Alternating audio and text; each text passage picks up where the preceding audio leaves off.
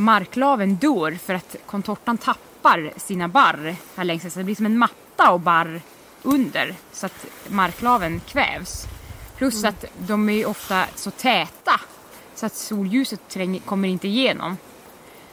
Sen blir det dessutom som en barriär för renarna just att det är så tätt och att det blir obrukbart för bete så kommer inte renarna igenom. Man kan som inte flytta igenom ett contortaplantage. Det pågår en strid om den svenska skogen. På ena sidan står de som vill avverka den, på andra sidan de som vill bevara den. Båda sidorna hävdar att just de har stöd av forskningen. Aftonbladet har rest till en sameby i norra Sverige för att ta reda på hur människorna där kämpar mot det stora skogsbolaget och varför bevarandet av skogen är så viktig för dem. Vi ska prata om den resan idag. Plus, vad säger egentligen forskningen? Vad säger politikerna? Vad har Greta Thunberg för roll i konflikten? Och hur kan vi använda skogen på bästa sätt för att hindra klimatförändringarna? Välkommen till Aftonbladet Daily.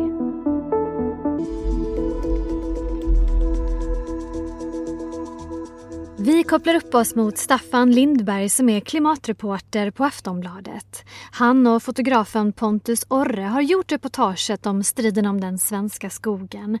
Och Staffan får helt enkelt börja med att berätta varför den har hamnat i frontlinjen för ett klimatkrig.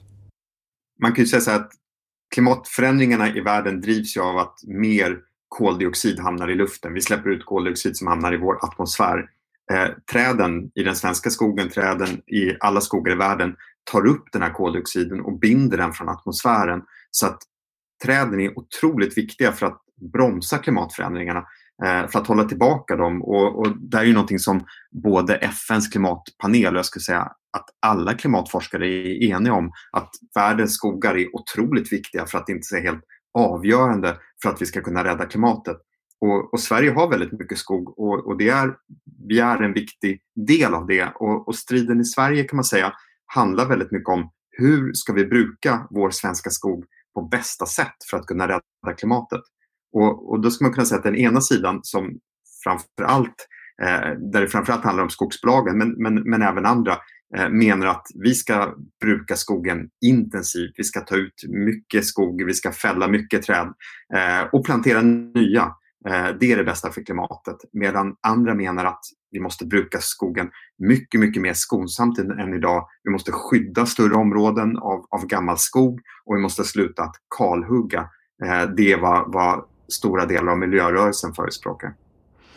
Och finns det data på det här? Alltså, finns det fakta i målet eller är det två sidor som hävdar, hävdar olika saker? Man kan säga att båda sidorna är väldigt eh, väldigt, eh, pekar väldigt mycket på forskning som de menar stöder deras case. Men om man ska bena ut det lite grann så kan man säga att å ena sidan så, så ska man ge skogsbolagen rätt i att det finns stöd i forskningen för att unga snabbväxande träd tar upp mer koldioxid än gamla träd. Eh, vilket alltså skulle tala för att det är bättre att ha yngre skog, alltså att hugga ner skogen och låta nya träd, snabbväxande träd ta upp mer. Man kan säga att kanske inte de minsta plantorna men när träden är liksom lite som tonåringar ungefär, då, då tar de upp mest koldioxid. Så det finns stöd för att, att, att det faktiskt skulle kunna vara, leda till att mer koldioxid tas upp. Eh, samtidigt så, så leder de här kalavverkningarna till väldigt stora utsläpp av koldioxid när man kalavverkar skog. Eh, dels finns det väldigt mycket kol som finns bundet i marken, eh, i, i den svenska marken under träden som ju rivs upp när de här stora skogsmaskinerna kommer in. Eh, och dessutom så kan man säga att en stor del av det vi tar ut från skogen, alltså virket, eh, bränns ganska snart. Det hamnar kanske i pappkartonger som vi får när vi e-handlar och som vi lägger i, i recycling men som eldas upp. Och då hamnar ju den här koldioxiden i atmosfären igen. Eh, så att det, det som den här bevarandefalangen pekar på det är att om man kalavverkar så leder det de första åren till stora utsläpp.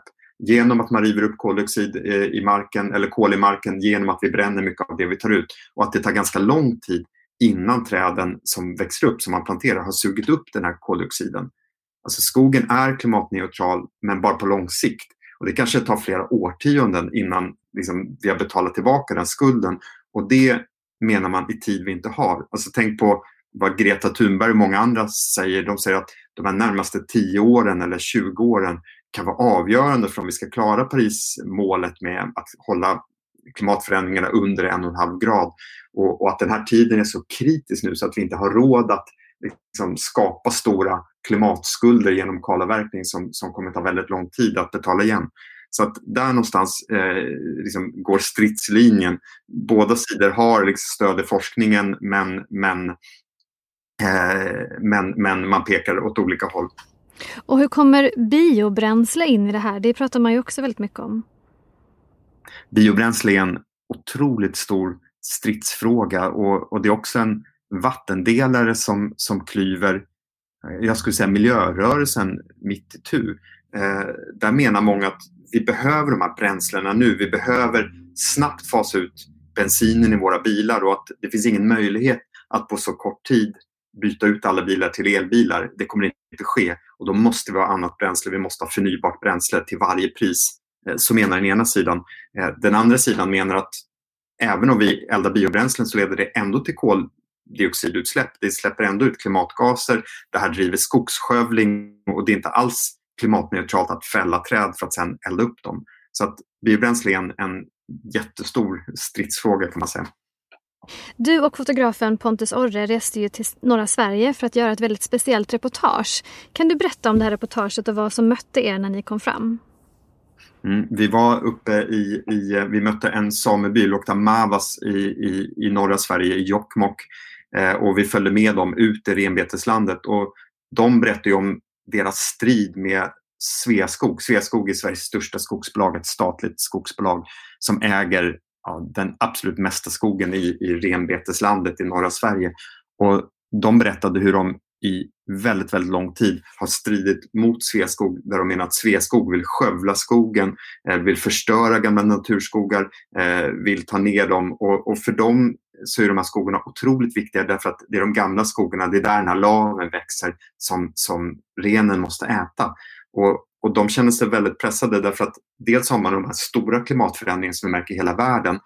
Klimatförändringarna i norra Sverige är mycket, mycket mer märkbara än i södra Sverige. Det är redan två grader varmare där uppe och, och, det gör det mycket svårare med renskötsel från början. Det gör det mycket svårare för renen att komma åt maten som, som ligger, det bildas ishinnor under, under snön som har gjort det väldigt mycket tuffare för renskötseln och, och dessutom då så måste de strida mot skogsbolaget Sveaskog som då vill avverka träden där, där renens nödföda finns som kallas hänglav eh, som renen behöver när den inte kommer åt den här marklaven på grund av klimatförändringarna. Så att de är väldigt pressade. Det pågår en strid mot Sveaskog. Sveaskog ville före jul avverka ett 30-tal, eh, på ett 30-tal håll i deras renbetesland.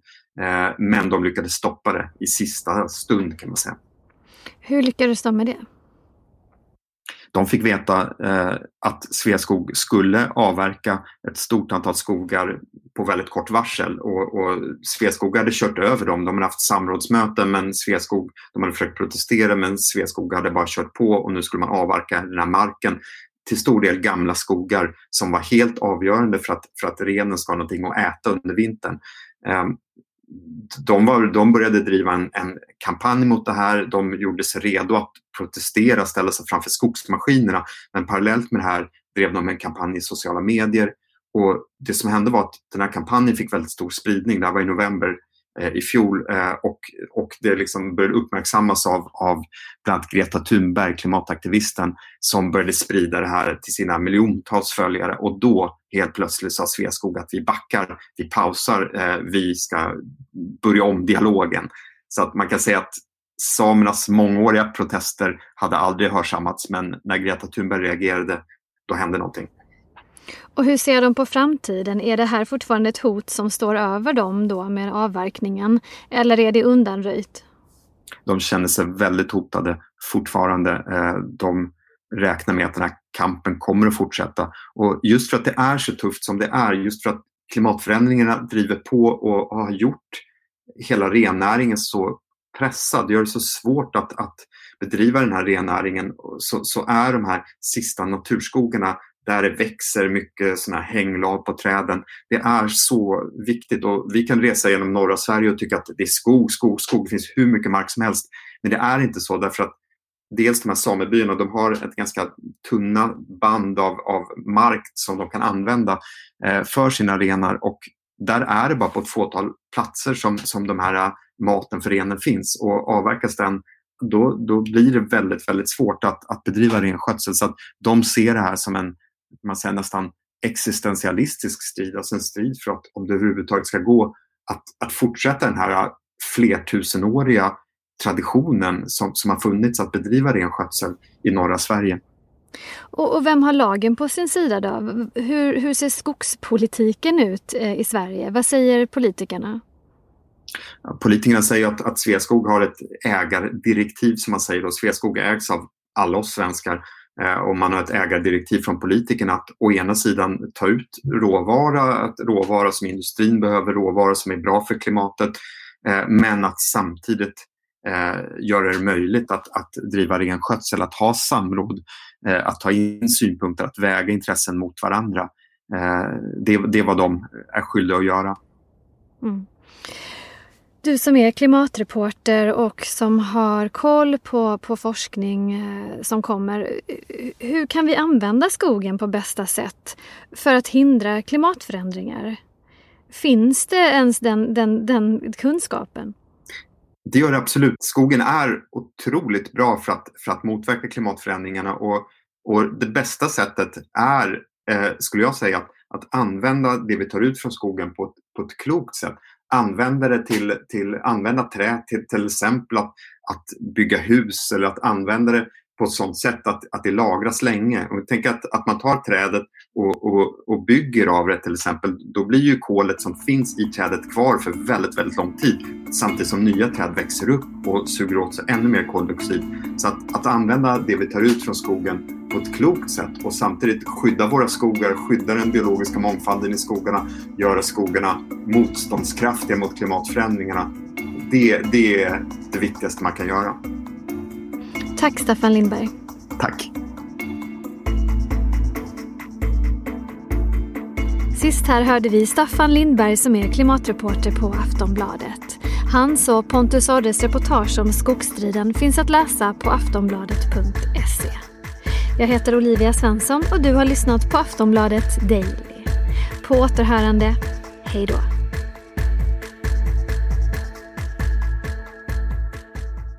Du har lyssnat på en podcast från Aftonbladet.